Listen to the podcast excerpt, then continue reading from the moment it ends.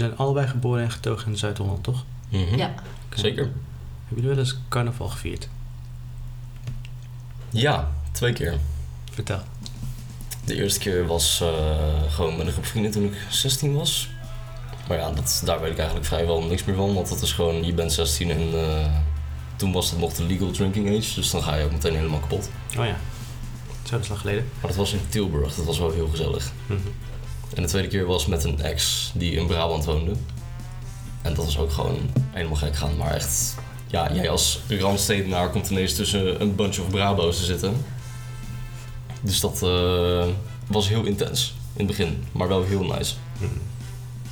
Ik, eh, ik kom uit een, eh, een dorp waar ze toevallig niet in Brabant, maar waar ze wel carnaval vieren. Zeg maar alle voetbalverenigingen en scoutingverenigingen en sommige bedrijven en vriendengroepen die maken dan wel allemaal wagens. Die gaan dan ook wel dan de dag daarna zeg maar naar de grote parade toe.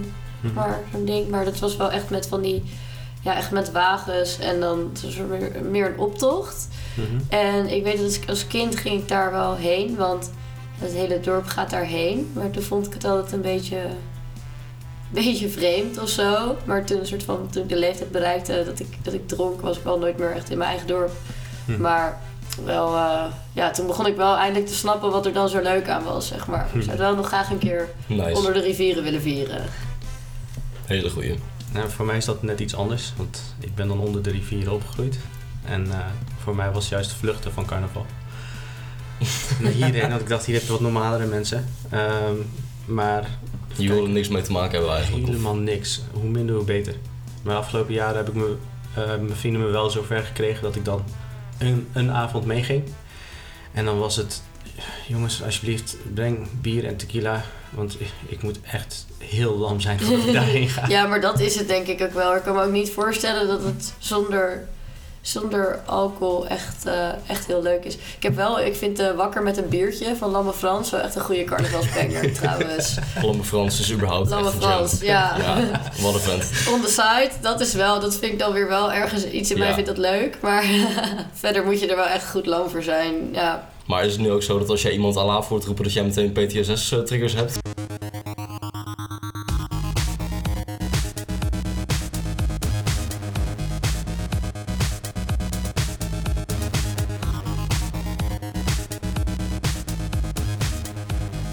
Welkom bij Rokersok, de podcast waar wij vragen stellen over hoe het is om te wonen, werken en leven in de Randstad, maar eigenlijk vooral in Rotterdam.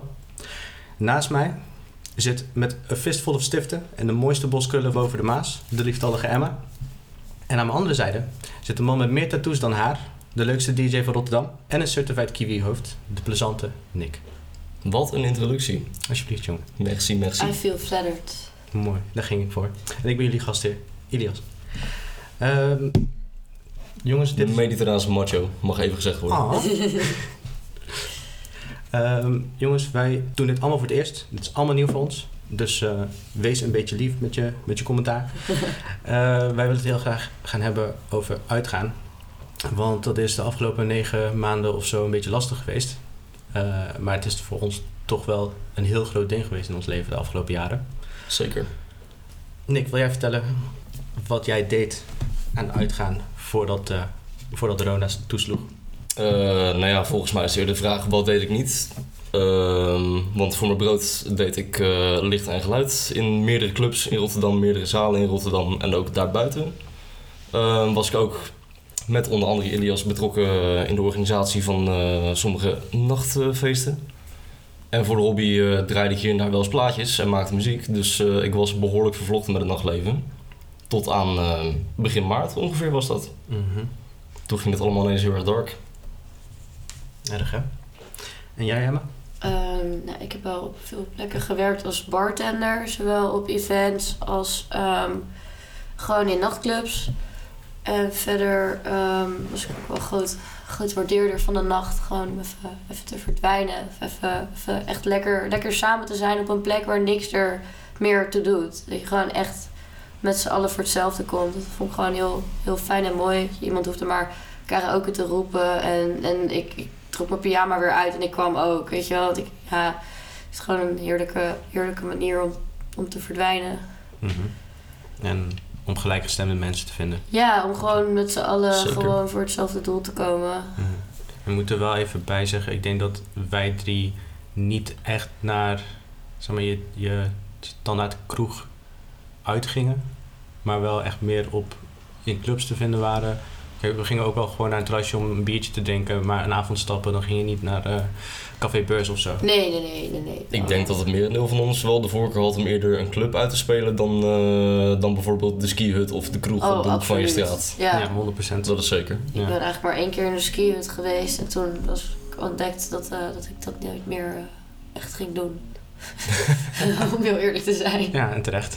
Ja, Daar moeten we van houden inderdaad. dat is voor als je elke dag carnaval wil. Ja, precies. En, nou, volgens mij heb ik best wel duidelijk gemaakt dat ik dat niet wil. Ehm, hoe vaak gingen jullie uit of waren jullie in nachtclubs te vinden? Eh, wekelijks sowieso drie of vier keer. En Dat was voor mij eh, dan wel merendeels werk, omdat ik dan eh, bijvoorbeeld achter het licht stond in een nachtclub of in een theaterzaal of iets dergelijks. En dan nog een boeking had waarbij ik zelf moest draaien. Maar als dat niet het geval was, dan minimaal één keer in de week wel gewoon nog eventjes naar de club toe. Mhm. Waar dan ook in het land, maar meestal in Rotterdam, omdat je toch nog even wil dansen. Mhm. Ja, ik meestal één tot drie keer. En meestal haalde ik de drie niet op weekenden dat ik zelf gewoon moest werken op andere evenementen. Of zelf in een club aan het werk was. En dat ja, is nog steeds wel uitgaan. Je bent er wel bij, maar toch echt een soort van dat dansen, dansen tot je niet meer kan. Dat, dat, dat is toch niet als je aan het werk bent. Je gaat vind niet ik niet helemaal tellen als, ja, vind ik niet tellen als, eh, als uitgaan eigenlijk. Nee, eens. Dus dan één Ja, drie. Mhm. Nee, ik heb ook, eh, ook best lang bij nachtclubs gewerkt. Ehm, vaak achter de bar of als barback. En nou ja, je, je sneakt een paar drankjes naar binnen. Maar het is toch niet hetzelfde. En ik moet zeggen, het was ook lang niet altijd mijn muziek wat daar werd gedraaid. Je hebt een bepaalde verantwoordelijkheid Klopt. sowieso. Ja, dat ook En je hebt ook hele verschillende avonden inderdaad. Waardoor je aan de ene kant in aanraking komt met dingen die je zelf nooit zou uitkiezen. Wat heel leuk is. Mhm. Maar aan de andere kant sta je ook wel eens een hele avond in muziek. Dat je echt denkt van oh wat raar dat mensen hier kaartjes voor gekocht hebben. Mhm. Die heb ik vaak genoeg gehad. Ja, dat is zeker waar. Ja, absoluut.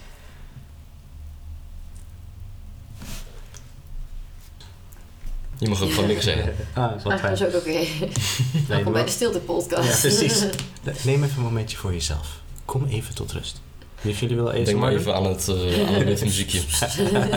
Waarom heb je eigenlijk nooit nog iets van een wachtmuziekje of een lichtmuziekje in de rookruimte?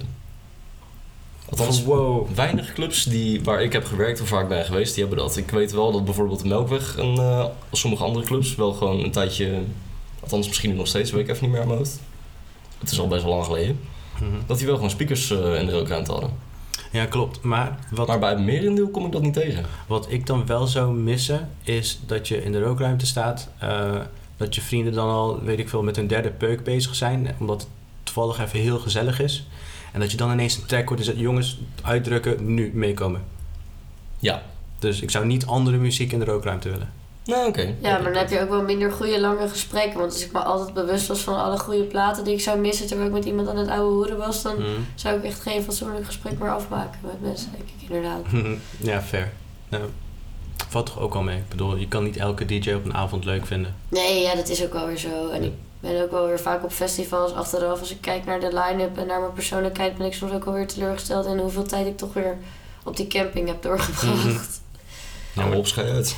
Zeker waar. Ik heb ook echt vrienden nodig altijd die met me meegaan, die dan wel gewoon echt de timetable checken en zeggen van ja, maar dit willen we niet missen, dit is vet, zo laat moeten we daar zijn. Dan, dan zeg ik ook heel vaak van tevoren van ja, neem me wel echt even mee daarheen, hè, want eh, ik ken mezelf, dan ben ik weer aan het oude hoeren en dan vind ik het helemaal mooi. En dan achteraf denk ik ja, ik had daar gewoon wel heen moeten gaan, weet je, Mhm. fuck dat gesprek. Ja, precies. Nee, ik heb dat ook heel vaak gehad, maar op een gegeven moment liep ik ook heel erg tegen het probleem aan ehm, dat meerdere artiesten die ik dan wil zien tegel- tegelijkertijd zijn. Ja, dat Oh, doet ja. pijn, ja. Dat doet heel erg pijn. En dan op een gegeven moment denk je ook van, weet je wat, zoveel maakt het niet uit. Ja, Weet je, ik kan ben niet alles zien, ja. Precies. Ja, want ik, eh, ik weet nog een keer op Lowlands, toen, eh, eh, even denken, Stromae was bezig. Maar tegelijkertijd waren Congo Natty en Gesaffelstein aan het draaien. Oh! Die deed Dat heel veel is pijn. een heel oh, groot dat dilemma. Is, ja, Mhm. Die is heel groot. Maar ehm, dat jaar hadden we, was ik met een best wel grote groep. En we wilden eigenlijk eh, een beetje ons eigen ding doen. Maar een paar van de mensen in de groep vonden wel van... oké, we moeten een paar dingen samen doen... en Stromae is iets wat iedereen leuk vindt. Dus laten we daar met z'n allen heen gaan. Nou, dan sta je daar bij Stromae. Top optreden, by the way. Maar op een gegeven moment valt de muziek weg... en hoor je ergens in de verte een deuntje... Toek, toek, toek, toek, toek. Hoor je En ik- jezelf verstaan even lekker Ja. Ik, Oh. ik kijk mijn beste vriend aan en, ik- en ik zei letterlijk tegen hem van... Kom is dat... weg. En hij zei, ja. Zucht, pijn, Ja. even huilen. Ja, maar ja, we moesten blijven vanwege zijn vriendin. En ik wilde hem niet in de steek laten. Ah, dat is, dat is lief. Neutral good. Ja, inderdaad. Netjes. ook goed. Mijn vriendinnen ook altijd. Erg, hè? Ja, Altijd dat drama weer. ja, Altijd. Nou, alhoewel, ik ken ook wel een paar toxic vriendjes. ja, ja, die bestaan zeker ook. Ja. Maar hebben jullie eh, leuke verhalen over uitgaan of festivals of concerten? Nou, toevallig beginnen, eh, begon jij net over het op de camping blijven plakken. Maar die heb ik vorig jaar heel erg op eh Jera On Air gehad. Dat is een eh, meer metal gerelateerd festival. Maar er wordt ook drum en bass op de afterparty gedraaid. Hm. Dus eh, ik vind daar wel heel erg lekker mee draaien. Maar dat was vorig jaar ook eh, tijdens een van de hittegolven. Oeh. Dus eh, we zaten daar op een camping. En het was ongeveer 37 graden, dan niet hoger. En een paar gasten die wilden nog wel heel graag het terrein op en gewoon bandjes checken. Maar we hebben eigenlijk met een merendeel van de squad gewoon zitten creperen onder de partytent. Met waterverstuivertjes, met alles wat je koel kon krijgen. En ik denk dat ik in dat hele weekend hooguit drie bands heb gezien. Oef. Van een line-up met plus 100 artiesten. Oeh. Dat is wel heel weinig. Gewoon puur omdat het alleen in de avond na negen eindelijk weer een keer een soort van relaxed is. Dus kijk je nog even naar de laatste band of de één na laatste band. En ben je heel even op de afterparty. Maar daarna ga je alweer terug naar de camping. En overdag zit je brak en moe en oververhit en weet ik veel wat te wezen. Dus dat was heel jammer. Mhm. Maar Maar nonetheless wel gezellig. het was een meerdaags festival, toch? Ja, drie dagen zijn we daar geweest. Ja, maar zo weinig bands in drie dagen? Het was echt niet uit te houden. Ah. Ja, maar wat ook nog wel weer het ding is met weekenders, of waar ik mezelf echt wel mee in de vingers snij, is dat ik dan in het begin echt het gevoel. Ik heb gewoon meer het gevoel dat ik tijd heb. Wat nog steeds niet zo is, want die drie dagen zijn zo voorbij. Altijd als ik op Ja, Lowlands om 8 uur 's ochtends bij de Armadillo sta, dan, dan denk ik echt, dan moet ik altijd daarna moet ik huilen, zeg maar, omdat het weer voorbij is. En dat ik echt zoiets heb van, oh, het ging weer zo snel. En ik had nog zo met mezelf afgesproken van tevoren dat ik gewoon iedere seconde, iedere seconde optimaal zou genieten. En dat heb ik dan ook wel gedaan. En dan alsnog ben ik altijd weer helemaal teleurgesteld over hoe snel het weekend toch weer, weer voorbij is gegaan. Je en dan het laatste uur langer. gewoon echt nog even twee keer zo hard dansen als daarvoor, omdat het nu nog kan. En dan heb ik altijd een soort van echt geraakt over hoe, ja, hoe snel het gaat. Maar toch denk je tussendoor wel iets meer van... Oké, even, even bijkomen of nu even slapen of nu even, even, even goed bewust eten of zo. Je hebt ook dat het meer dagen is wel af en toe ook gewoon de ruimte om echt de tijd voor jezelf te nemen. Terwijl in één nacht, ja, dan kan je gewoon wel door. Want Ja, een nacht hou je wel ja. vol, zeg Mhm. maar. Dus dan is het veel makkelijker dan een hele, op een hele nacht ga ik niet, niet heel lang, ja, niet te lang in de rokers op blijven chillen. Want een soort van, dan kan je nog wel echt bijna alles van de muziek meekrijgen. Maar Mhm. in een weekender heb ik wel echt altijd de valkuil dat ik gewoon denk dat er tijd is. En ga je op, eh, op één avond... eh, ga je dan echt vooral voor artiesten? Ehm, nou, dat ligt er heel erg aan. Als er iets is, zeg maar, in Rotterdam, Mhm. is het natuurlijk de afgelopen jaren sowieso wel ja, aan het afnemen wat er is. Als er echt iets, iets vets komt, dan wil ik wel graag gewoon erbij zijn voor de naam. Maar in Rotterdam heb ik zeg maar, voor corona ook wel best wel veel avonden gehad. Dat het wel gewoon ook wel leuk was om gewoon ergens heen te gaan. Is er niet per se ieder weekend gegarandeerd iets waar ik ook heel erg fan van was. En dan vind ik het alsnog ook gewoon heel erg leuk om ergens te Ja. zijn waar het gewoon gezellig is. Mhm. Nee, Ja, maar- oké. Maar ik bedoel vooral op eh, zeg maar, een wat grotere avond. Maar je gaat niet elke week naar een Maasilo of zo. Maar nee, nee, nee, maar als je een keer absoluut niet. naar een. Nee, naar een feestje gaat... Nee, sorry. Ah, niet iedereen kan licht- en geluidsman daar zijn. eh, verdorie. Eh, maar wat ik meer bedoel is, eh, stel je hebt echt een groot feest, meerdere stages, eh, dus vergelijkbaar met een festival. Eh, ben je dan echt heel veel bezig met, oké, dan en dan moet ik naar die stage voor die artiest? Nee, ik niet. Ja, het ligt eraan als de line-up echt heel goed is. En ik Mhm. ben daar zeg maar met vrienden die daar ook fan van zijn, vind ik het wel echt fijn als zij dat wel doen. In jouw meeste... zeg maar, ja, dat dat zeg ik wel van tevoren van please, please doe dat. Ja? Ik heb het meestal dat ik wel gewoon echt een paar musts eruit probeer te pakken. Dat zijn er meestal twee of drie. En de rest heb je dan al een keer eerder gezien. Of je hebt precies van, oh nou, ik weet ongeveer wat het is, dus dat is leuk. Mhm. Maar als ik echt, echt fan ben, of ik heb iets echt nog niet gezien, maar ik wil het wel checken, dan ben ik daar wel echt gewoon... Dan ben ik daar heel erg vastberaden op. Maar voor de rest ben ik gewoon altijd een beetje door de nacht aan het zweven. Oké. Nee, ik heb, ik heb dat ook wel. Ik heb Vooral in de Maasilo eigenlijk. Dan is het gewoon van, ah, ik loop even door die zaal en dan ga ik weer roken. En Ik dan moet ga ik weer naar die zeggen, zaal, ik ben heel wat in de. Masilo geweest, maar ik snap nog steeds altijd helemaal niet. Dan is er wel een timetable, maar ik vind het zo'n grote chaos van verschillende areas. dat ik altijd nog niet, helemaal niet, niet eens helemaal zou weten waar ik naartoe zou moeten als ik iets zou willen zien. Maasilo is wel een beetje een betonnen labyrint wat dat betreft. Mhm. Zeker Maar dat maakt het ook wel leuk. avond is. Oh ja, zeker. Ik heb daar wel vooral, ik ben vooral echt een soort van zwevende kiezer altijd in de Masilo. Want eh, ja, weet, weet ik veel. Ja. Waar ben ik eigenlijk? Mhm. Beetje rondlopen en denken, oh, dit klinkt wel leuk. Oh, dit is wel gezellig, ja. Gewoon lekker in het moment blijven plakken, dat vooral. Mhm. Ja. Ik heb wel een tijdje gehad dat ik heel erg bezig was met eh, zoveel mogelijk artiesten aftikken op een avond. Maar toen was het ook, dan had ik ze nog niet gezien, weet je wel. Ja, precies. Dan is dat de factor. Dat, ja, dat verandert ook wel. Met de jaren. Want zeker, want ons- wij gaan best wel naar dezelfde feestjes. Eh, Meestal wel, ja. Ja, dus eh, voor een bepaald genre. Op een gegeven moment heb je het ook wel gezien. Dus ik, ging, eh, ik ging een tijdje best veel naar die, die glow in the dark feestjes. Of Rotterdamse Oh, ja. Reef. En nou ja, als je naar al die evenementen kijkt, dan is er toch altijd wel 60, 70 procent artiesten die hetzelfde zijn, toch?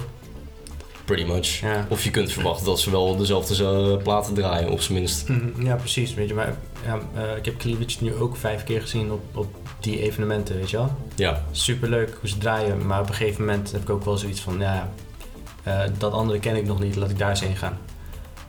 nee, zeker waar. Mhm. Als ik een euro had voor elke keer dat ik David Funk heb gezien, dan wel op een festival waar ik als bezoeker was, dan wel waar ik aan het werken was, dan had ik nou waarschijnlijk een mooie woning kunnen hebben. Ja, laten we het een andere keer over de huizenmarkt hebben, oké? Oké. Ehm, wat, eh, wat vinden jullie in Rotterdam echt de leukste plek om heen te gaan? Hmm, ik ben heel erg verdeeld, omdat ik echt op heel veel plekken ben geweest. Mhm. Maar ik denk dat het voor mij altijd wel Bird eh, blijft. Oeh, dat is Ja. een goede shout. Ja, Bird heeft voor mij altijd gewoon een heel erg warm plekje in mijn hart. Dat sowieso. Zowel als iemand die daar werkt, als bezoeker. Dat is, eh, ik zit er heel graag. Ik ben eigenlijk heel hard aan het nadenken nu van, van alles waar gewoon de afgelopen tijd, van alles wat nog open is, zeg maar, waar nu het meest, het meest mijn hart ligt. Zeker omdat het al zo, zo lang geleden is dat ik zeg maar echt, echt goed, goed uit geweest ben. Mhm. En zeker dat het er nu nog bestaat. Maar ik denk dat de laatste, laatste echt, echt fantastische feestjes waren wel eigenlijk allemaal zeg maar nog dit jaar, waren eigenlijk allemaal wel in wilde. Dat ik al een top Maar oud en nieuw, ja, maar ook gewoon omdat die, die locatie is zo groot en gevarieerd dat je dat op heel veel manieren kan inzetten. Dat is wel gaaf. Het is ook nog best wel een jonge spot, En, vergeleken ja. met de rest. En eh, ik vond ook eh, met oud en nieuw, het was echt super leuk. En met museumdag vond ik ook echt een hele fantastische avond. Dat voor mij dit jaar toch wel waar ik de meeste echt wel, echt, eh, ja, echt wel hele leuke herinneringen aan heb. Dat ik dacht, oh, dat was echt een nacht. Dat ik vaak wilde nacht gewoon. Was, ja, ik wilde. Mhm. Netjes.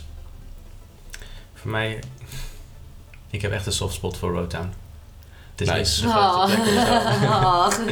Nee, die voel ik ook wel hoor. Ja, like, Rotterdam is echt heel fijn. ik, ik hield echt van bar toen het nog open was. Ja. Ik, eh, ik heb er echt met plezier, wat is het, anderhalf jaar of zo gewerkt. Eh, maar ik had wel zoiets van, het is veel van hetzelfde. En ik zou het leuk hebben gevonden als het wat gevarieerder was. Ehm, maar Roadtown is gewoon, dat is een bijzondere plek. Ik heb volgens mij nog nooit een slechte avond gehad in Roadtown. Bij Roadtown kan je ook alles maken volgens mij. Wat heel muziek veel betreft. Ja, precies. Dat is Heel Ik vind het heel vet daar op die wc's heb je zo wie er allemaal ooit hebben opgetreden. Ja. Staat daar in Ja. lijsten. En ik heb wel altijd als ik dat lees, dat ik echt denk, oh shit, oh shit, oh Ja. shit, auw, oh daar was ik ook niet, daar was ik ook niet. Dat had ik ook wel willen zien. Mhm. Ja, ja, ja, precies. Ja, of de, die, eh, zeg maar, achter de draaitafels, daar staat, hangt ook gewoon een hele muur vol met posters van alle bands die daar ooit hebben opgetreden en feesten die daar zijn geweest. Dat je echt denkt van, Voor hoe klein dat betonnen hok is, is het echt Precies. super impressive. precies. En, Zeker. en ze zijn gewoon super goed in artiesten boeken vlak voordat ze doorbreken. Zeg maar, dat, een chef special daar staat, jaren geleden, vijf jaar geleden of zo. En dan de week erop waarschijnlijk in een zaal voor 2000 man. Maar zij waren gewoon heel vroeg met een boeking. Dus daar zijn ze gewoon super goed in dat talent scout. En Rotown is ook oud, hè? Rotan is behoorlijk oud inderdaad. 87 of zo? Oh, wauw. Ja. Dus dat vind ik, ja, ik weet niet, die plek heeft echt wat. Je bent ook niet een klein beetje biased omdat je er zelf hebt georganiseerd. Nee, klopt. Ik heb, ik heb eh, inderdaad feesten georganiseerd een paar jaar lang. En eh, het is wat je zei, je kan er echt van alles maken, weet je. Je, je promoot een feest als één ding, maar dan de laatste DJ laat je lekker heel wat anders draaien. Wat gewoon kan. Mensen vinden het daar gewoon dan wel leuk als dat gebeurt. En het barpersoneel daar is ook gewoon echt heel back in mijn ervaring altijd. Precies. Überhaupt het hele personeel daar ook gewoon van de, de boekingen en weet ik veel wat. Ja, en zeg maar, mijn, mijn, Super relaxed. mijn kritiekpuntje over bar Rotown is precies het tegenovergestelde. Want, zeg maar, Fair, fair point. in, in hetzelfde weekend, zeg maar, je hebt dan eh, s s'avonds een punkconcert, gevolgd door een housefeestje. En de volgende dag draait er een, eh, een indie band. En daarna heb je eh, zo'n, hoe noem je dat? Eh, oude hitjesavond. Ja, Eh, Ja. whatever, kan echt van alles zijn. diversiteit is wel heel mooi. Maar ik ben dan wel zelf er meer, daar ben ik dat dan weer niet helemaal mee eens. Omdat ik een soort van zelf echt wel ook weer een soort van architectuur en venues heel belangrijk vind. Op Mhm. een andere manier. En ik heb wel in Rotown ook altijd wel weer heel erg dat ik het wel gewoon een soort van, van betonnen, betonnen zaal vind, zeg maar. Je- Ik wil ook wel een soort van, wat ik in bar heel fijn vond, was wel zo die, die verdeling van verschillende plekken. Je kon er wel echt beter dwalen. En dat is ook waarom ik Wilde zo aantrekkelijk vind. Want dat is helemaal niet qua line-up ook niet echt heel vaak een extreem ja, kwaliteit line-up, zeg maar. Mhm. Maar ik vind wel ik hou gewoon heel erg van, van areas waarin je gewoon ook wel echt een soort van kan verdwalen. Dat je een soort van hele reis hebt gemaakt door de avond. Dat is dan weer iets wat me in Rotown nooit echt zou lukken in mijn herinneringen. Dat ik echt zo'n soort van hele, ja, zo, en toen was ik daar en toen was ik daar. Dat, dat Mm. ontbreekt dan voor, heel erg voor me in Rotown, omdat het zo'n zo'n kleine plek is. Maar verder doen ze qua programmeren doen ze echt heel netjes. Mhm. Ja, precies. Heel ver. Dat is ook wel de magie van bar. Oh. Lekker verhaal in bar. Vooral die kelder willen uitspelen. Oh. Rip. Oh, Lekker bezweet om 4 uur 's ochtends. mijn Oh. zeer geliefde, zeer gewaardeerde kelder. Ik, echt, het is ook zo raar nu je niet meer uit mag. Dat ik soort van het zelfs echt mis om gewoon tussen iedereen's vieze bezweten ruggen te staan. Dat ik Mm. denk van, oh, ik zou echt gewoon... Ik mis zelfs de geur en de dicties en alles wat echt super vies was aan uitgaan. Gewoon neem je nu allemaal gewoon in gedachten allemaal zo veel meer voor lief nog Mhm. dan eerst. Omdat, omdat het gewoon niet meer kan. Ik zat laatst nog een, eh een techno-setje uit Duitsland eh, terug te kijken. Waar je gewoon echt, ik denk 4000 man gewoon zweterig bovenop elkaar hebt staan. In alleen maar donkerte en gewoon alleen maar kicks en gewoon lekker gaan met z'n allen. Maar in het licht van dit jaar met de, de huidige situation en zo, zat ik ook wel te kijken van... Wow, allemaal mensen op elkaar. Wat, hè? Ja, dat wordt ook steeds meer. Ik heb het Dat- ook dat in films van mensen elkaar begroeten met een hand. Dat ik echt zo zit van, oh, doe nou niet. Dat ik denk, Hmm. oh, maar deze film is al tien jaar oud. Toen deden ze dat gewoon wel. Ja, precies. Ja, Het begint heel raar te voelen. Ja, het, het is. het, het is echt heel sad, maar ergens begint het ook wel een soort van te wennen. Ja, precies. Of Ja. zo. Ik bedoel, je blijft het wel missen, maar het is ook wel... Ja, ik was eerst niet zo fan van de, van de nieuwe normaal uitspraak, maar... Ja, Het went wel. Maar ik heb wel dat ik op sommige dingen terugkijk en denk van eigenlijk was dat ook niet heel gezond. Bijvoorbeeld hoe, hoe druk het OV was en hoe dicht je op elkaar zat. Maar ook inderdaad met, met uitgaan dat je met zoveel mensen tegen elkaar aangeplakt zit in een kleine ruimte. Weet je, eh, Ja, eh, er hoeft, je, je weerstand is sowieso verrot door drank en drugs en niet slapen. En dan hoeft er maar één persoon griep te hebben daar en dan kan de hele zaal mee naar huis nemen. Ik heb dat ook echt een keer meegemaakt na een feestje in de Melkweg. Dat gewoon iedereen die daar was geweest, had Hmm. echt sikke koorts daarna. Dat was Hmm. echt gewoon... ja, ik heb die ook wel eens gehad. Ja, gewoon eh, iedereen. En ook echt gewoon uit verschillende steden, verschillende mensen. Daarna gewoon iedereen Ja. die daar ook was. Oh ja, jij ook, ja, jij ook. Oké, ja, Ja, waarschijnlijk heeft dan gewoon nu de hele melkweg koorts. Lekker. Dat, Maar- dat, dat je zo'n campinghoest hebt omdat je hele groep met elkaar heeft staan zoenen of zo, weet je wel. Oh ja. Oh ja. Ik heb precies dat gehad in de Social Underground toen het nog open was. Zo, dat is Oh, lang geleden. wow. Ja, Dus dat heeft ook nog bestaan. Ja, Ja, dat was met een, eh, met een techno eh, feestje volgens mij. Tech met een K. En dat was echt gewoon alleen maar vage mensen bovenop elkaar. En ik en mijn vriendengroep eh, gewoon de dagen daarna. En nog andere bekenden die ik heb gesproken toen, gewoon iedereen was super grieperig. Ah. Anderhalve week lang. Social Underground is ook wel echt een hele slecht geïsoleerde zaak Ja. hoor. Ik weet nog een keer, ik ben er een keer op een feestje geweest. En toen kon je voor iets van 5 euro kon je een stempel kopen voor op je hand. En dan mocht je buiten roken in plaats van binnen. Ja, ja. Wauw. Dus dan kon je voor 5 euro kon je een toegang tot frisse lucht een soort van krijgen. En ook eigenlijk iedereen deed het gewoon aan de lopende band. Zelfs niet rokers. Omdat het gewoon zo was van ja, Mm. Ik moet nu echt even ademen. Want ik ga hier gewoon helemaal dood. Ja, flashbacks naar Saunakoff. Ja. Oh ja, dat was ook nog een ding. Oh ja, dat was in eh Club Blue. Club Blue, Blue, ja. ja. Dat was, dat was een zaal en dat feestje was stijf uitverkocht. En die waren daar gewoon niet op voorbereid. Volgens mij heb je daar heel veel urban feestjes en dat, dat mensen... Club Blue is merendeels gericht op hip-hop, urban, soul, gewoon Ja, maar that kind of music. En het was nu gewoon een stampende drum and bass rave met hoog BPM en heel veel mensen op elkaar. En En volgens mij is het normaal ook zo'n tafel waar zeg maar, een deel eh, tafels afhuurt en zo. En daar een fles drank bestelt. Oh, en dan En- gewoon met een eh bottle service heel cool aan een tafel zit vooral. Precies. Oh, ja. normaal gesproken is het inderdaad gewoon de dansvloer is de dansvloer. En de twee verdiepingen erboven zijn gewoon ringen met bottle service. En daar zit iedereen te Ja, chillen. maar en nu weet was het wel op alle ringen ook afgeladen. Niemand was aan het zitten. Iedereen stond Ja. op elkaar. Mhm. Dat is wel heel Ja. anders qua En ja, het is gewoon één dikke zweetbol en ook nog eens volgepompt met rookmachines en zo. Dus het, Mhm. ja, een sauna indeed. Ja. Wat, eh, wat was jullie laatste grote evenement? I Hate Models All Nighter in de Factory. Wat dus nu eigenlijk de naam WOW is. Nee, wacht, sterker nog, volgens mij was dat een weekend eh, wat ik ook met jou overleefd heb. Utrecht. Want volgens mij ben ik op de donderdag naar Waalstal gegaan. De vrijdag zaten wij eh, bij Moxie in de Tivoli in Utrecht. Ja. En de zaterdag was ik nog bij, bij I Hate Models in de naam WOW. Dat was, dat eh, dat was mijn laatste weekend. Dat was knap dat je dat hebt volgehouden. Ik heb ook geen flauw idee hoe ik dat heb gedaan. Maar dat, eh, dat was een heel fijn weekend. Mhm. Vooral als ik er nu op terugkijk van oké, ik heb het wel eh, ik heb het goed kunnen afsluiten voordat alles op lockdown ging. Mhm. Zonder dat ik het door had. Ehm, ik, ik had ter voorbereiding op, op, op dit had ik opgezocht wanneer dat was. Dat was 21 februari. Er is ergens op deze planeet iemand geweest, of meerdere mensen, die die avond zwanger zijn geworden. En nu, zeg maar een paar weken te vroeg, een kind hebben gepaard. Dat is bijna negen maanden geleden, hè? Dat is wel een besefmomentje, ja. Mhm. Ja, Dat roept pijn. wel inderdaad Negen maanden. een hele, hele zwangerschap. Ja. Ja. En wat was jouw laatste? Ja, ik zit echt, sinds je de vraag gesteld hebt, heel hard na te denken van wanneer was dat eigenlijk? Ehm, ja, ik weet, ik ben het even, ja, ik durf niet eens te zeggen wat echt een grote, ik weet wel dat ik me toen heel erg verheugde op de maand april. Toen had ik kaartjes voor Party Boy en voor DJ Esselt en het was echt gewoon achter elkaar en ik had echt helemaal zoiets van, oh, dit wordt echt... Dit wordt een maand, jongen. Dit wordt een maand. Mhm. En het wordt weer voorjaar. En ik was echt gewoon een soort van vanaf eind februari al tegen iedereen aan het zeggen... nog even volhouden met die winter, jongens. Het is bijna april en dat wordt een maand. En toen, ja, Krijg je is ineens die een klap hele in je maand gezicht. nooit gekomen, zeg maar. Dat, Ja, dat ik ook echt zoiets had van... En toen dacht ik ook nog dat het niet zo lang zou duren. Dat ik dacht, oh, dan nog echt precies wat april. En dan, dat was zo leuk. En, eh, Mhm.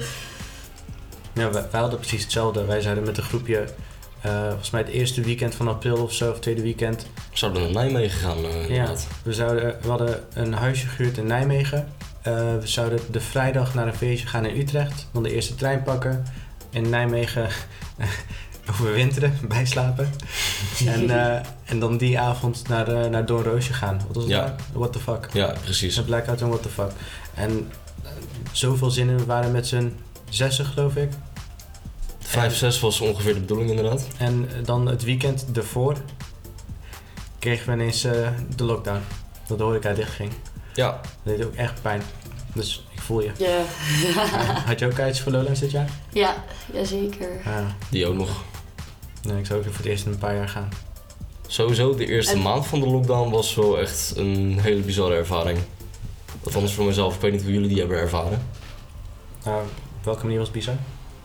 Nou ja, bij mij is het natuurlijk wel wat, eh, wat anders omdat ik ook gewoon mijn broodwinning eh, in het uitgaan had. Maar ineens stukje voor stukje werd mijn agenda steeds leger. Ik kreeg de ene na de andere cancellation of dat het dus vooruit werd gezet naar ja, eh, we weten niet wat het gaat doen. Dus dit evenement staat voor nu even uitgesteld op juli of naar september. Of... En ineens is gewoon heel je agenda leeg. Mhm.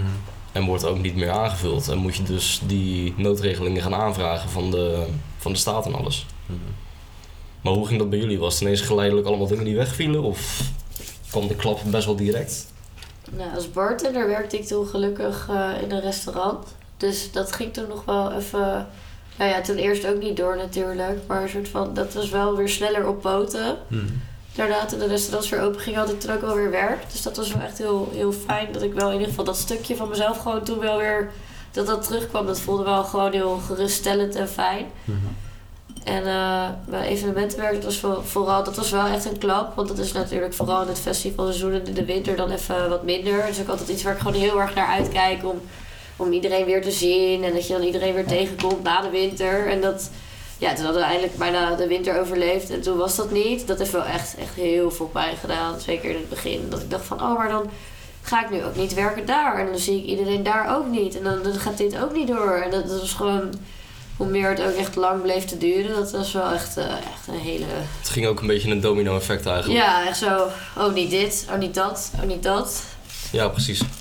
Voor mij qua werk veranderde er gelukkig niks. Of ja, ik moest eh, ineens van huis gaan werken, wat ik eigenlijk best wel chill vond. Want eh, ik moet elke dag een uur heen en een uur terug voor de werk. Ehm, Dan is het wel relaxed inderdaad. ja, toen was ineens uitslapen tot En je had ook een baan waarmee je makkelijk vanuit huis kon werken eigenlijk. Ja, ja, ik werk dan meestal wel eh, één of twee dagen per week thuis. Oké. Maar eh, ja, nu was het gewoon fulltime.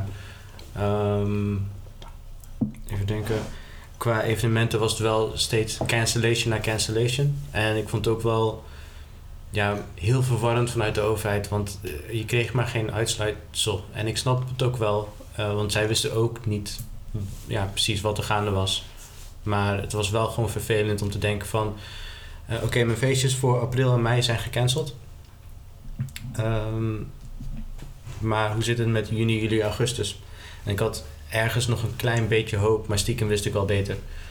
Maar ergens had ik te denken, ja, weet je, misschien fixen ze wel iets voor, eh, voor augustus. Misschien dat ze het in een ander jasje gooien, dat, weet ik veel, f- festivalpubliek verdelen over drie dagen in plaats van dat je drie dagen mag blijven. Dus dat een derde op, op de vrijdag mag, een derde op de zaterdag, een derde op de zondag. Ik had te denken van, nou, weet je, ze gaan hier vast wel dingen omheen kunnen bedenken. En je zag ook allemaal ehm horecazaken en clubs initiatieven nemen om dingen op afstand te gaan doen. Volgens mij was eh Don Roosje een van de eerste. Die hadden echt de grond afgetaped met hier mag je staan en dansen. En dan heb je gewoon anderhalve meter afstand van de persoon naast je. Ja, en ook tafels met twee personen volgens mij in de zaal gezet. Precies, En ook weg hier in Dito. precies. Ja, je had ook in het pakhuis hadden ze iets gedaan met allemaal opblaasbad eenden. Zag ik voorbij komen dat iedereen Ja. een soort van plek Dat op je een op van bad die, eend eh, kon van die ring kon reserveren. zitten. En dan moest je gewoon, mocht je wel zitten op die bad eend, mocht je nog wel... Ja, sowieso gebrek aan creatieve oplossingen om toch dingen te laten gebeuren. Die, die waren er niet, denk ik. Mhm. Nee, eens. En ik, ik hoorde laatst van een collega dat, dat ze naar een eh, concert was gaan in 013. En dan moest je in één keer aan het begin al je drinken bestellen voor de hele avond. En dan kreeg je dan in een bak met ijs.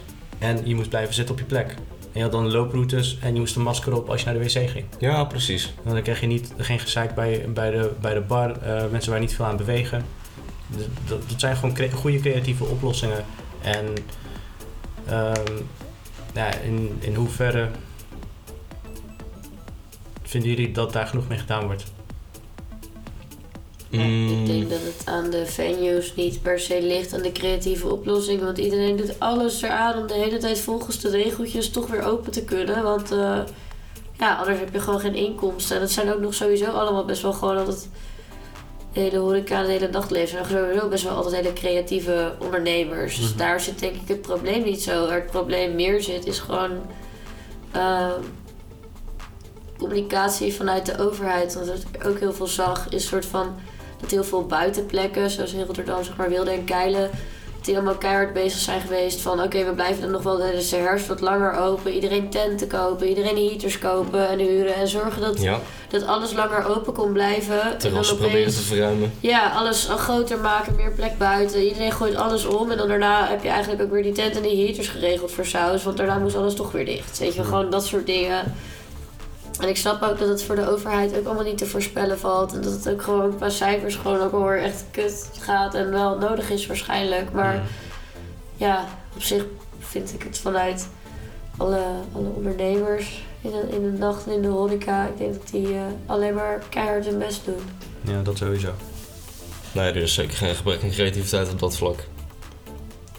Maar ja, nou ja, wat je zelf ook al aankaart, het is vooral de overheid. En ik ben zelf van mening dat het vooral een gebrek aan kansen is. Mhm. Nee, bedoel- Want je, je ziet, eh, nou ja, bijvoorbeeld ehm, bepaalde business evenementen konden wel gewoon doorgaan. En eh kermissen en dat soort dingen mochten eerst ook niet open, maar later in het jaar toch ineens wel. Mhm. Omdat zij heel erg hebben staan pleiten van oké, we mogen niet meer op dorpspleinen of stadspleinen staan, maar dan gaan we gewoon naar bijvoorbeeld de parkeerplaats van het Gelderdoom of een ander groot braakliggend terrein of weet ik veel wat. Mhm. Gooi een hek omheen met één ingang of uitgang met daar een corona station Precies. sowieso, met desinfectie en beveiliging. ja, maar Precies. sowieso ook als iedereen die daar komt wel echt even gewoon goed bij zichzelf nagaat, voel je je goed. Er zijn buiten helemaal niet heel veel besmettingen ook. Nee, precies. Op buiten evenementen valt het aantal besmettingen echt zo mee. In de horeca trouwens ook, maar buiten al helemaal. Dat is helemaal niet per se... Maar dat vond ik dus afgelopen zomer ook het rare van wat is nou het verschil tussen een festival of een kermis? Ja, Behalve het feit dat er dus een podium staat in plaats van een draaimolen. Ja. Ja. Ik vind Ja. daar dat daar wel echt een gebrek aan kans is Ja, dat geweest. is wel... Ja. Wat, wat betreft de nachtclubs, ik snap dat dat moeilijk is en ik snap dat dat niet zomaar verruimd kan worden en dat je ook geen... Een hele slechte Je kan niet rendabel draaien als je maar 20 man binnenlaat terwijl je normaal gesproken 500 man Ja. capaciteit hebt. Maar voor alle buitendingen en de mogelijkheden die mensen buiten hebben, is daar veel te weinig mee gedaan. Kijk, ik snap het ook wel, want je, je ziet gewoon dat de cijfers hard omhoog zijn gegaan de laatste tijd. En we zijn voor, voor heel veel andere landen zijn wij gewoon een risicogebied. En dat is ook terecht met hoeveel... Eens. Zeg maar, we hebben ongeveer net zoveel gevallen als Duitsland per dag. Weet je wel, een Duitsland, Duitse bevolking is wat vier, vijf keer zo groot. Dus het, het is echt dat de overheid niks durft. Maar ik denk in de periode ervoor, toen het echt reuze meeviel, dat, we de meer, ja, dat ze meer dingen hadden kunnen proberen voor nu. Want-. Zeker. ja, want ja, ik vind, ik vind het gewoon echt jammer. En ook wel een beetje. Ik heb ook wel een beetje het idee dat de overheid eh, niet al te veel financieel wil ondersteunen. Dus ook. Maar, ehm, ik, ik snap wel dat je niet de hele winst van, van een gro- groot poppodium gaat uitkeren. Maar wel iets meer dan het minimale. Weet je wel. Want die zaken hebben nog steeds huur die ze moeten betalen en dat soort dingen. Ik vind wel inderdaad, als je niet open kan door je beslissingen, dat op zijn minst je wel in staat moet zijn om je huur te betalen. als je precies. geen winst kan maken. Ja, dat is bij heel veel zaken dus niet het niet het geval geweest. nee, zeker niet. Laat staan voor eh, de bedrijven die ze supplyen of de ZZP'ers die ze inhuren of überhaupt gewoon je personeel op loon, eh, weet je wel. Iedereen krijgt alleen maar het minimum. Wat ergens begrijpelijk is, weet je. Ik bedoel, ik snap echt wel wat je net zelf ook zegt. Van je kan niet gewoon een volledige maand uitkeren van 40 uur met overuren erbij en je dikke bonussen en dat soort dingen. Dat, Nee, maar gewoon de, Dit is de winst, doable, de, maar- winst, de winst van een Annabel, dat snap ik ook wel. Weet je. Dat- dat is- sommige zaken zijn gewoon een goudmijn. Ik gaf Annabel als voorbeeld, ik weet echt niet wat ze verdienen. Maar eh, als een grote zaak goed draait, daar komt superveel geld binnen. En, maar de kosten zijn een stuk lager en die moet je wel gewoon dekken. Want het is gewoon raar dat je als overheid zegt, jij mag niet open. Maar je moet lekker uit je eigen reserves eh, of je eigen spaargeld gaan teren, dat opmaken of geld lenen om niet je zaak kwijt te raken. ja. Dat slaat gewoon nergens op, vind ik. Maar wat ik dus ook daarom jammer vind, ik weet niet of het nou Frankrijk was of Italië of Spanje, correct me if I'm wrong, Mhm. maar in een van die landen was het ook zo dat aan het begin van de lockdown, de eerste lockdowns die er zijn geweest, Ja. dat ze in sommige gevallen ook eh, bij zowel particulieren als bij bedrijven hebben gezegd van we zetten nu gewoon even een deel van je lasten stil. Want we weten dat het gewoon ondanks de steun die je krijgt niet te overbruggen voor je is. Ja. Dus we zorgen dat gewoon even de huur die je hebt of even, weet ik veel, je gas of je licht of zo, dat dat gewoon even gewoon gebufferd wordt. Maar ja, voor al die ondernemers nu in het nachtleven heeft dat ook geen zin. Want je kan wel zeggen, je, je hoeft nu niet je huur te betalen. Maar ja, inmiddels moeten ze dan van negen maanden huur betalen. Nadat we, nadat ze weer open mogen. Nadat ze Ja. weer open mogen, dan ben je alsnog failliet. Nee, precies. Ja, dat gaat alsnog niet werken. Want Mhm. dan heb je dat opgespaard. Dat is zo'n een soort uitstel van executie. Maar dan Ja, daar valt ook wat voor te zeggen, ben dat wel. ben je er nog steeds niet. Nee, inderdaad. Ja, ik bedoel, niemand heeft echt de oplossing, weet je. Kijk, als, als wij de ministers waren of whatever, of de hoge ambtenaren, dan... Dit is ook gewoon een heel groot risico om te nemen. Om te zeggen Klopt, er is ook geen juist antwoord. Het Precies. is te, te complex. van... mhm. Een beetje meer perspectief had fijn geweest. Ja, dat en, Dat is het en, wat bereidheid om wat dingen uit te proberen. Kijk, al hoeveel zaken zijn wel niet met voorstellen gekomen. Om ook even wat anders te gaan doen. Ehm, maar er wordt niet naar gekeken. Ik, vind- ik vind zo'n gebrek aan gewoon onderzoek doen in de politiek, dat vind ik zo naar. Je kan gewoon een aantal dingen gaan testen. Van oké, we hebben daar 20 horecazaken die hebben dit geprobeerd. We hebben daar 30 die hebben het anders geprobeerd. Bij die zagen we dat het minder goed liep dan bij dat. En weet je, ook medisch, ehm, hoe noem je dat? Ehm, ehm, medische voorstellen eh, heeft de overheid ook niet altijd gevolgd. Ik vind die messaging gewoon super vaag. Ik, ik heb laatst ook dat, dat eh, Arjen Lubach stuk over de derde golf gekeken. En nou, ik moest echt janken over hoe slecht de Nederlandse overheid dat had gedaan vergeleken met Duitsland. Ja. Ja. ja, wat meer duidelijkheid, perspectief en bereidheid om naar oplossingen te zoeken in plaats van nee. Zeker. Het enige wat ik had gewild. Maar ja, fast forward naar, een, eh, naar de tijd waar we nu in zitten, vergeleken met eh, de eerste lockdown. Mhm. We zitten nu gewoon alweer dicht. De, de nachtclubs zitten eigenlijk al sinds maart dicht. Mhm. En nou ja, afgelopen weekend eh, waren er weer een x-aantal illegale feestjes. En die beginnen nou nog steeds vaker uit de grond eh, te stampen. Mhm. Je kan niet tegenhouden. Ik heb, ehm, ik heb eh, daar in de boekenkast een boek over de geschiedenis van de Nederlandse dance scene. Mhm. En de reden dat die in Nederland zo goed en professioneel is, is omdat in heel veel andere landen, bijvoorbeeld de UK, tweede plank rechts, Dutch Dance heet die. Oh, daar, ja. Ja. Heel vet. Ehm, de reden dat in Nederland zo vroeg zo professioneel is gegaan met, met eh, ADNT is omdat het in andere landen gewoon verboden werd. En in Nederland hadden we dan toevallig een best wel liberale eh, minister van, eh, van Volksgezondheid. eh, die bereid was om mee te denken over oplossingen. Die dacht van oké, we zien in die andere landen al die illegale feestjes. Er wordt heel veel drugs gebruikt wat niet veilig is. Ventilatie is slecht. Ehm, mensen worden daar ziek, het is onveilig. Laten we gewoon nadenken over hoe kunnen we alles goed aanpakken. Van oké, deze nachtclubs mogen open, deze muziek mag in nachtclubs, maar wat zijn de voorwaarden daarvoor? Ik zo gek vind dat we in Nederland met sommige dingen zo vroeg voorliepen. Dus met, met eh, uitgaansbeleid, met eh, softdrugsbeleid, dat we nu achterlopen. Want we hebben nog steeds het rare gedoogbeleid wat zegt je mag het wel verkopen, maar je mag het niet produceren of inkopen. My point exactly. Maar andere landen hebben het wel gewoon gelegaliseerd. Bijvoorbeeld, weet je, hoe Portugal het doet is gewoon geniaal. En ik wil niet te veel over, over eh, drugsbeleid hebben. Ehm, maar die doen het echt met counseling. Dus als jij gepakt wordt met te veel, met te veel drugs...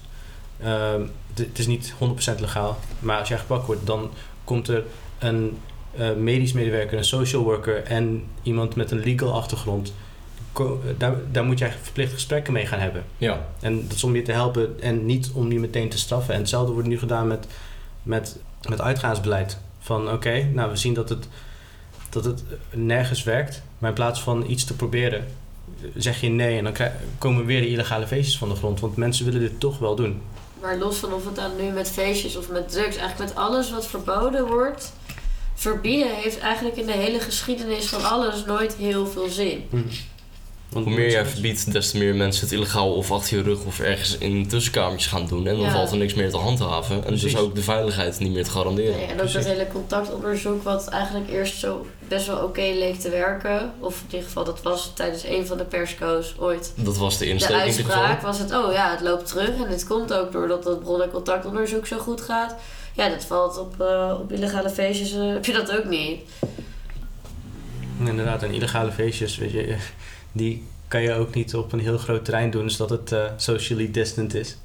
Want je wil het zo klein mogelijk houden om zo min mogelijk kans te maken om gepakt te worden. Ja, Nou, Ja.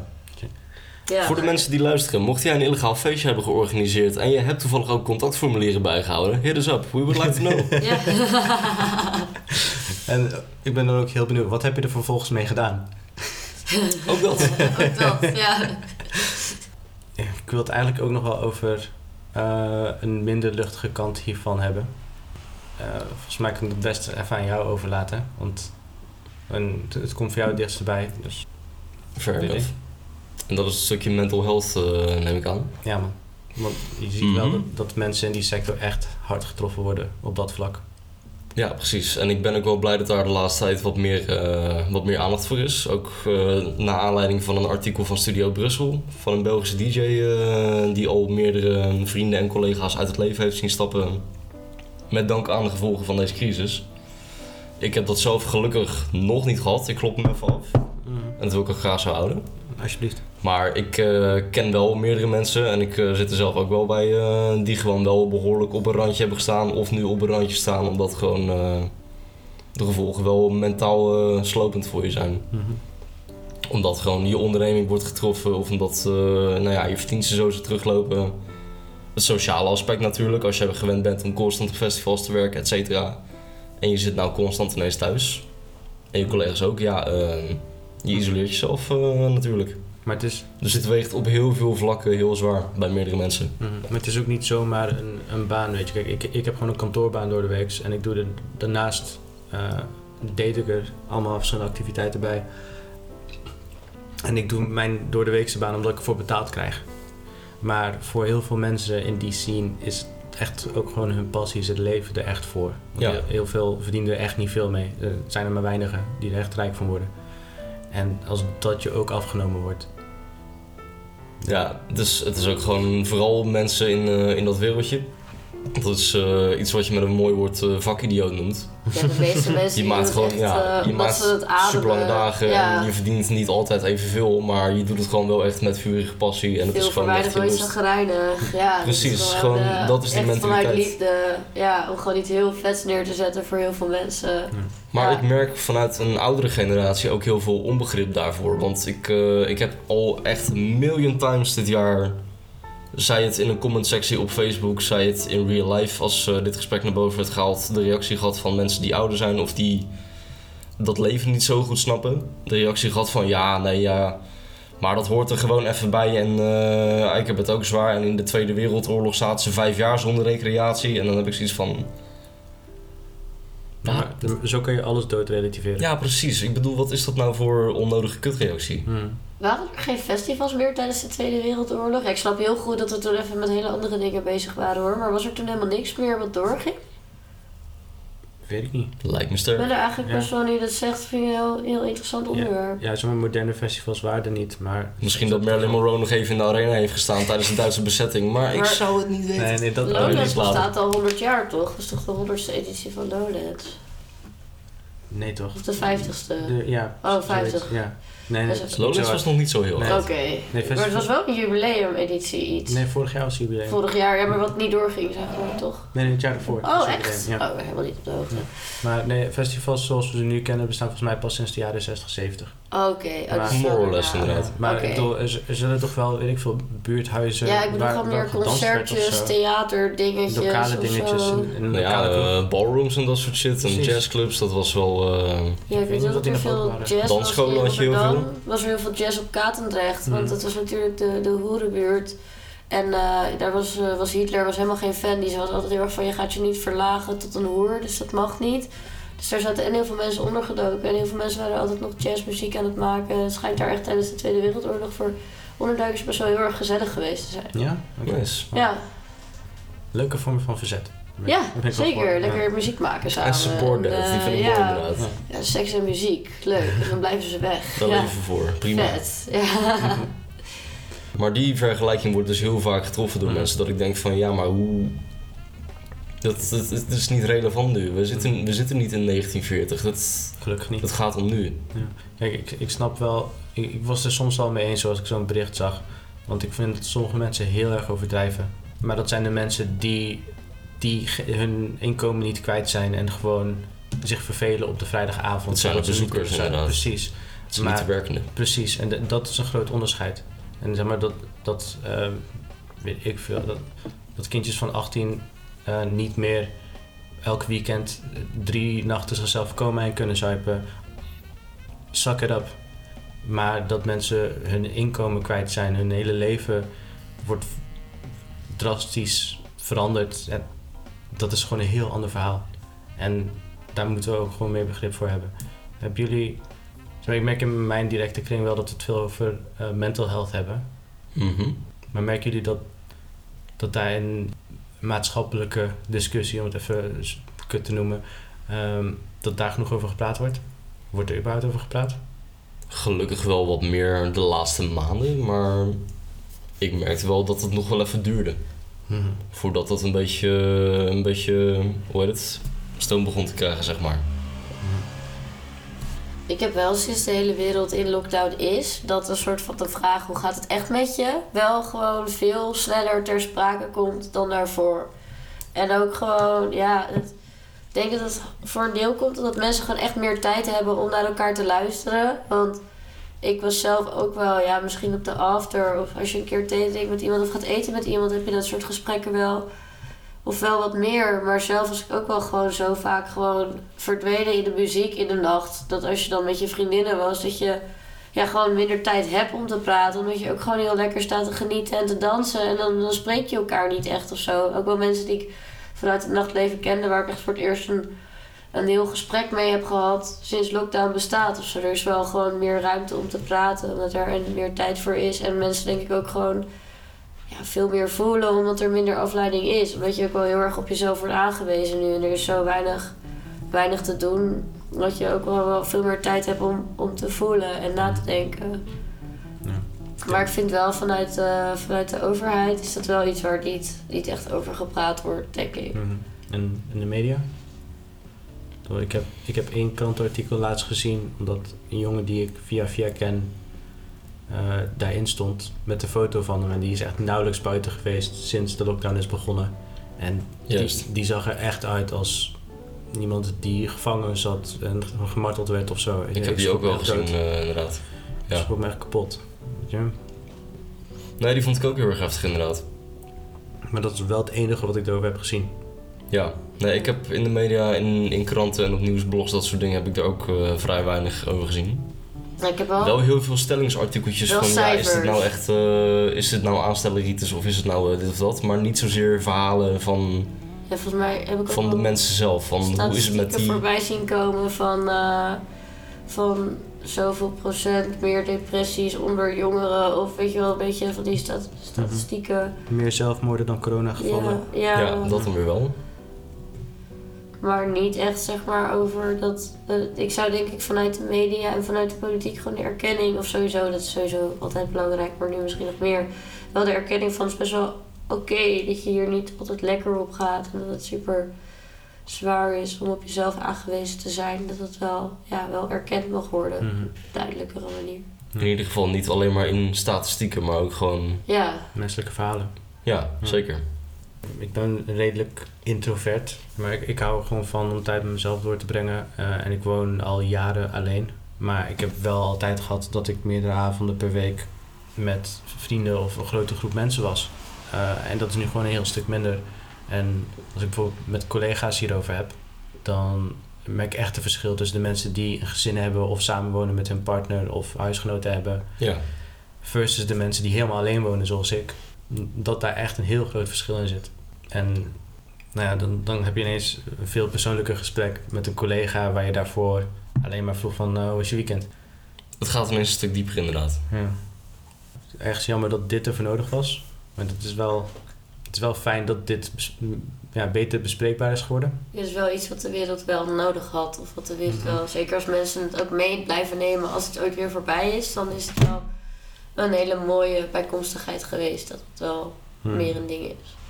Dat vind ik nog wel een mooi om aan te boren. Is er voor jullie eigenlijk een, een les of een stukje zelfreflectie die je sinds de lockdown hebt gehad?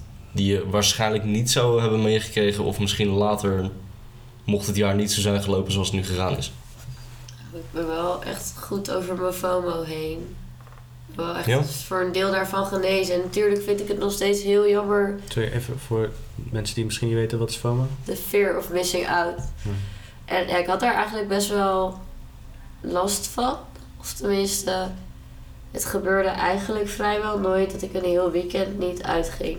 Ook al was dat qua planning soms wel een Ja. slecht idee of wel minder, omdat ik wel verplichtingen had of zo. Maar een heel, echt een heel weekend niet uitgaan, dat gebeurde eigenlijk niet zo vaak. Terwijl het ook best wel goed voor je is om dat soms even niet te doen. En dat zie ik nu ook wel veel meer in. En daarvan denk ik ook wel van ja, het is niet zo belangrijk. In de normale wereld, ja, er is altijd wel, wel weer een feestje. En het is ook wel heel fijn om gewoon, als je het gevoel hebt dat je je rust moet pakken, om die dan te pakken. Want ik ben na de eerste paar maanden van, van lockdown wel echt een soort van, ja, ook wel weer uitgerust geweest op een manier die ik daarvoor heel lang niet kende. Nou was het ook wel een soort van studeren en werken is ook altijd wel heftig en uitputtend natuurlijk. En dat was opeens ook Ja, wel alleen zeker. maar studeren. Dat helpt toch daar ook wel bij. Maar ook wel in combinatie met, mijn- met mijn passie voor uitgaan zeker. Dat ik wel echt dacht van ja...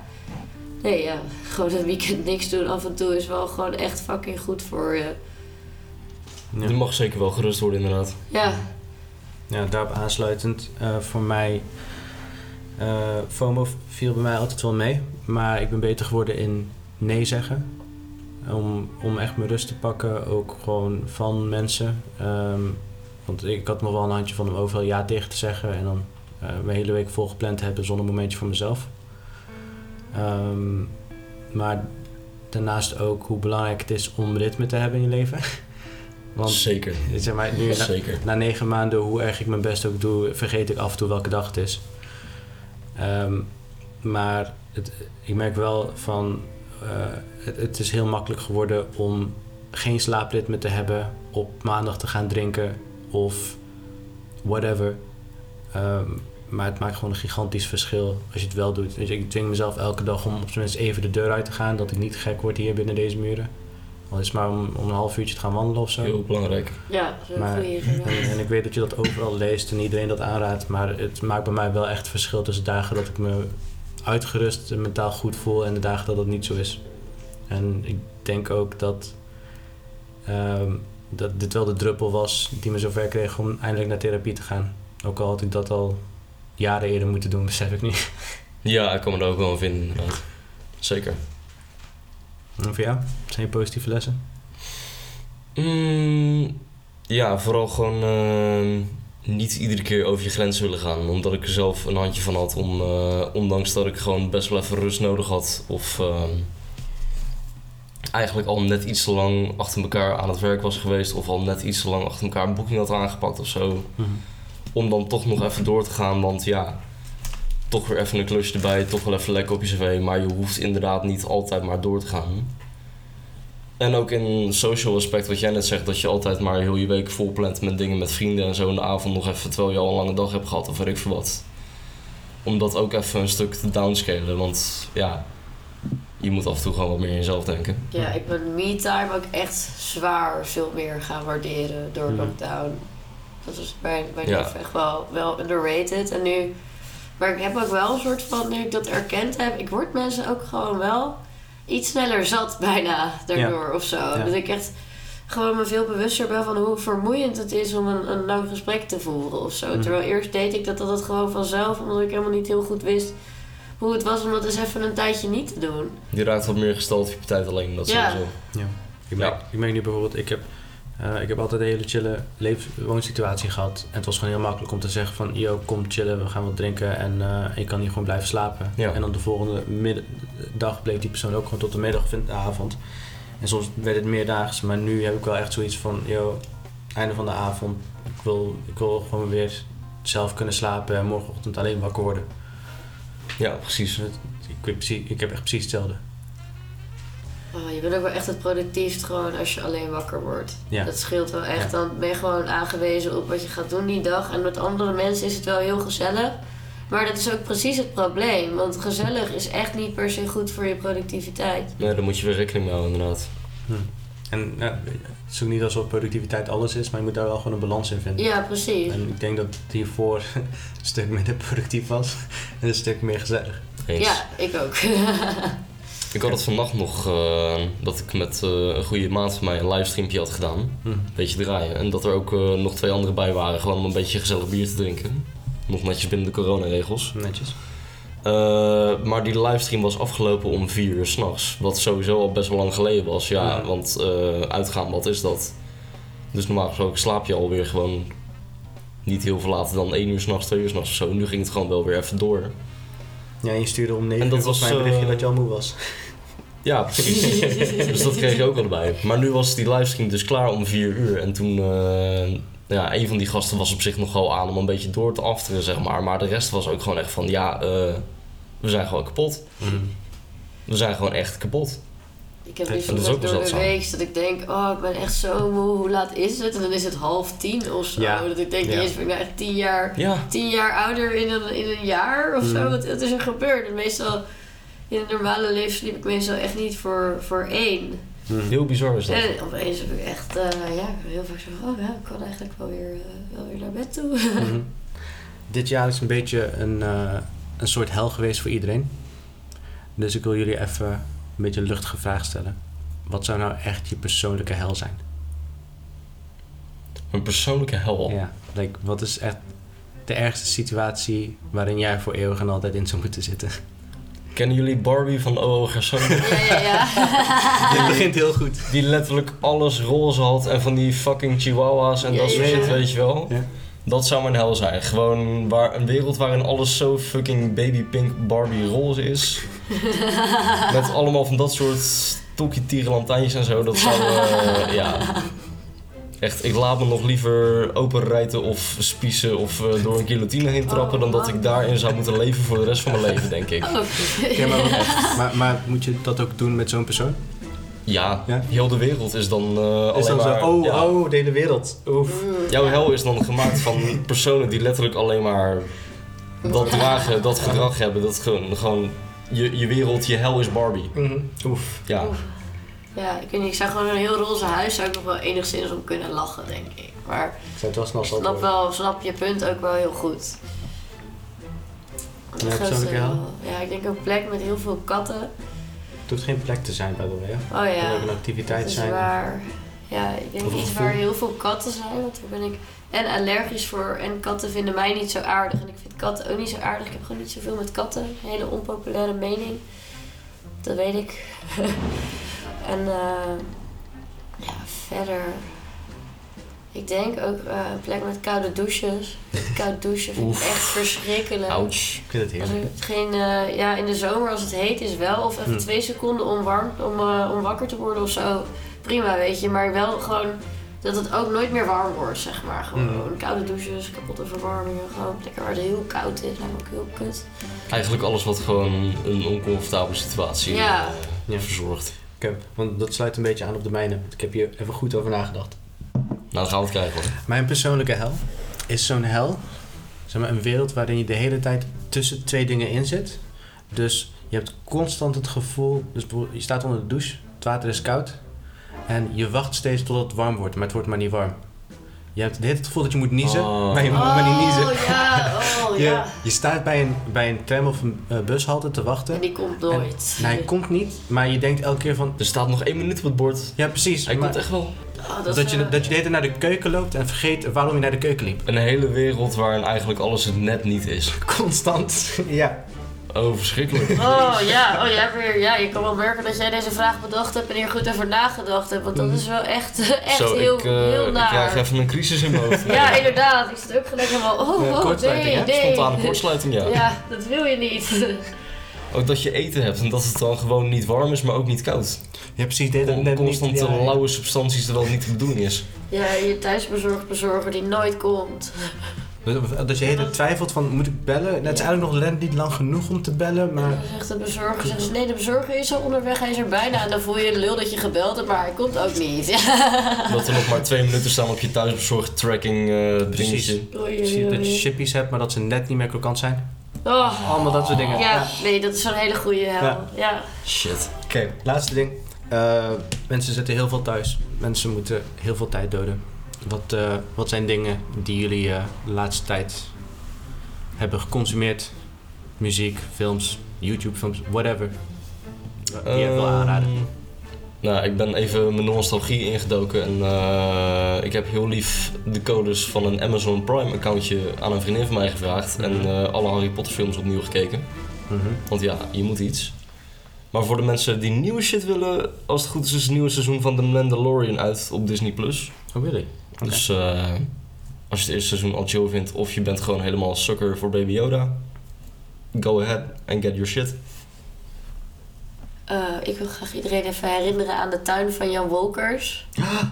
Dat was vroeger altijd bij nice. Villa Achterwerk. En dat valt Ja. allemaal terug te kijken op de VPRO. En dat is gewoon in de laatste jaren van zijn leven. En je merkt ook wel op een hele melancholische manier dat hij heel erg bewust is van zijn sterfelijkheid. Maar hij gaat gewoon heel rustig en fijn vertellen over de egeltjes in zijn tuin. Over alle plantjes die er groeien. En ik weet niet, ik werd er echt heel, heel blij van. Ik dacht dat mijn memory aan Harry Potter nostalgisch was, maar Jan Nee, Wolkers is nee, nog nee. veel harder Ja. nostalgie. En iedereen heeft het als kind denk ik wel gezien. Want Villa Achterwerk was gewoon het. Maar die man kon zo mooi vertellen. Het is ook heel leuk om soort van te vergelijken met hoe je dat nu dan ziet en hoe je dat keek als kind. Een soort van, want als kind zit je gewoon, oh wow, een spuugbeestje. Ik heb nog nooit een spuugbeestje gezien. Wat cool dat hij een huis bouwt van zijn eigen spuug. En nu merk je ook een soort van door, door hoe hij praat en gewoon de kunst in zijn tuin. Een soort van wat voor legendarische, open-minded man dat was. Ja. En ja, heerlijk. Ik was echt heel blij dat ik daaraan dacht en het opnieuw Nice. gekeken heb. Want ja. Heel erg ik ging er heel lekker op. Is, is Jan Wolkers de Nederlandse Bob Ross? Eh, hij was meer beeldend kunstenaar. Ja, dat weet ik, maar, Maar gewoon qua... Qua persoon. Ja, Ja, hij had wel... Ik vind het een En mooie hij had, vergelijking. ja, ik vind best wel, ja, nu je het zegt, ja. Hij heeft ook wel van dat wilde haar natuurlijk. Mhm. Zeker ook in die Klein serie is hij helemaal, helemaal grijs. En dan is zijn haar zelf is ook gewoon een soort van wolk. Gewoon ja. chill. Ja, dat was echt de eerste keer dat ik interesse had in de natuurlijke wereld. Zeker. Heerlijke vent. Ja, Ja, Heel nice. hele mooie man. oké. En what about you? Eh, ik heb twee dingen die ik wil pluggen. Allereerst de serie The Boys op Amazon. Even niet nostalgisch, maar lekker nieuw.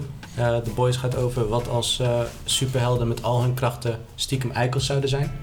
En eh, wat voor gevolgen dat ze hebben voor normale mensen. En ehm, ik heb van de week weer mijn favoriete film teruggekeken. Mad Max Fury Road. En dat is Netjes. een gigantische actiefilm. Maar het is stiekem de meest feministische film die er is, denk ik. En daar heb ik ook een reeks YouTube-filmpjes over gekeken. Over dat deze film expres alle stere- zeg maar negatieve stereotypes over vrouwen vermijdt. En dit gaan we allemaal even droppen in de link. Nice. Heel erg lekker. Jongens, heel erg bedankt dat jullie hier waren. Jij bedankt. En Ja. jullie bedankt voor het luisteren. Ja, voor alle, alle drie de mensen die hier luisteren. Yes. Is goed jongens, fijne avond. yes. Ciao.